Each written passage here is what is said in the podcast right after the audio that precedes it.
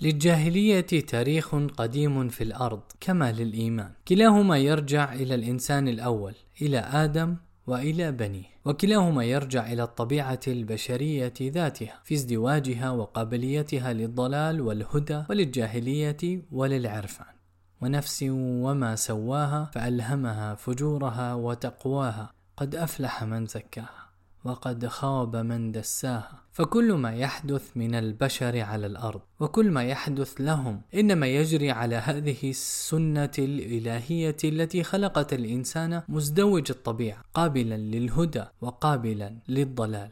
إنا هديناه السبيل إما شاكرا وإما كفورا. ولم يحدث للبشر في تاريخهم كله. ولم يحدث منهم خروج على هذه السنة ولا إمكان للخروج عليها في وقت من الأوقات. وتاريخ البشر كله على الأرض لا يخرج عن أحد هذين الوضعين إما الهدى وإما الضلال إما الإسلام. أو الجاهلي ويتطور البشر على الأرض تطورات شتى. يتطورون بالمعنى الحقيقي المستقيم للكلمة أي أنهم ينمون وينضجون ويتكاملون أو يتطورون بالمعنى الزائف المنحرف أي ينحرفون عن سواء السبيل. ويتخذون في تطورهم هذا وذاك صورا شتى. تلائم البيئة والتقدم المادي والعلمي والمستوى الاجتماعي والاقتصادي والسياسي ولكنهم في كل تطوراتهم وفي كل الصور التي يتخذها تطور أمورهم لا يخرجون كما قلنا عن وضعين اثنين لا يوجد لهما ثالث الهدى أو الضلال الإسلام أو الجاهلية. ومن ثم ينتفي في وضوح أي ارتباط بين الجاهلية وبين الزمان والمكان. كما ينتفي أي ارتباط بينها وبين مستوى العلم والتقدم المادي والحضارة والمدنية والتنظيم. والهدى كله جوهر موحد والجاهلية كلها جوهر موحد. ثم تختلف بعد ذلك الصور والأشكال. الهدى هو معرفة بالله واتباع هداه.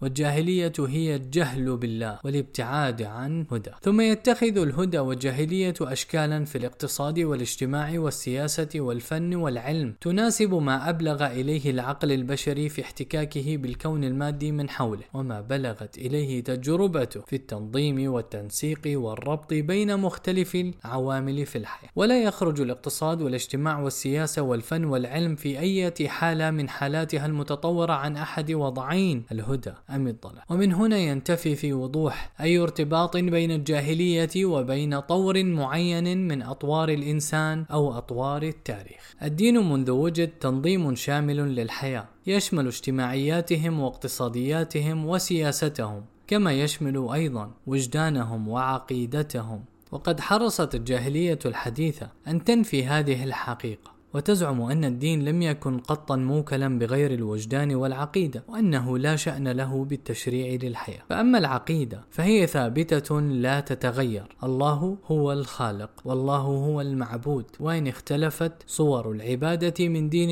إلى دين على مدار التاريخ. وأما الشريعة فقد تدرجت مع الناس في نموهم ونضوجهم من البساطة إلى التعقيد ومن التعميم إلى التفصيل. حتى اكتمل الدين عقيدة وشريعة يوم قال تعالى اليوم أكملت لكم دينكم وأتممت عليكم نعمتي ورضيت لكم الإسلام دينا. وعلى مدار التاريخ وجد الهدى والجاهلية متجاورين ومتعاقبين. كلما أرسل رسول ونزل من عند الله وحي فاستقام الناس على الهدى في أطوار مختلفة من حياتهم. وارتدوا إلى الجاهلية في هذه الأطوار ذاتها أو في أطوار أخرى. فكان الهدى وكانت الجاهلية في كل مرة متناسبين ومتناسقين مع كل كل طور في الحياة الذي وجد فيه. وإلى مدين أخاهم شعيب. قال يا قوم اعبدوا الله ما لكم من إله غيره. قد جاءتكم بينة من ربكم فأوفوا الكيل والميزان ولا تبخسوا الناس أشياءهم ولا تفسدوا في الأرض بعد إصلاحها. ذلكم خير لكم.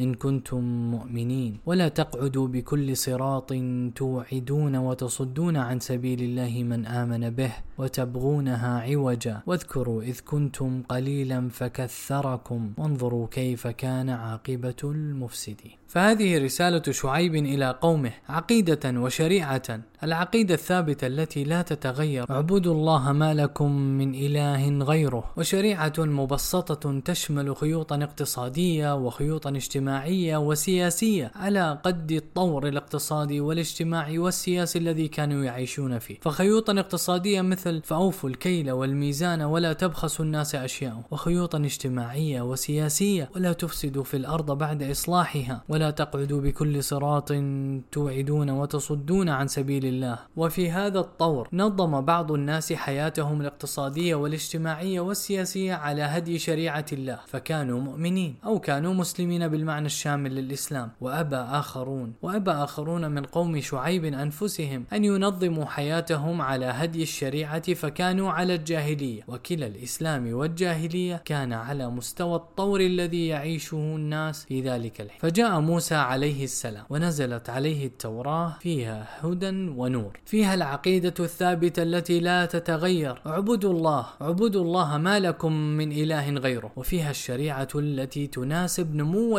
البشرية إلى مجتمع منظم ودولة وحكومة. فيها تشريعات اقتصادية واجتماعية وسياسية مختلفة وشاملة البيع الشراء الزواج الطلاق الجريمة والعقاب ونظام الدولة إلى آخره. وفي هذا الطور كذلك نظم بعض الناس حياتهم الاقتصادية والاجتماعية والسياسية على هدي شريعة الله. فكانوا مؤمنين مسلمين وأبى آخرون. وأبى آخرون من قوم موسى أيضا. أن ينظموا حياتهم على هدي الشريعة فكانوا على الجاهلية. وكلا الإسلام والجاهلية كانا على مستوى الطور الذي يعيشه الناس في ذلك الحين. فأتى نبينا عيسى عليه السلام بالإنجيل مصدقا لما بين يديه من التوراة وليحل لهم بعض الذي حرم عليهم. فكان من حيث العقيدة والشريعة إتماما للتوراة وامتدادا لها. فتبعه قوم فكانوا مؤمنين مسلمين. وأبى آخرون فكانوا على الجاهلية. وأخذ الإسلام والجاهلية كلاهما صورة طور الذي يعيشان فيه.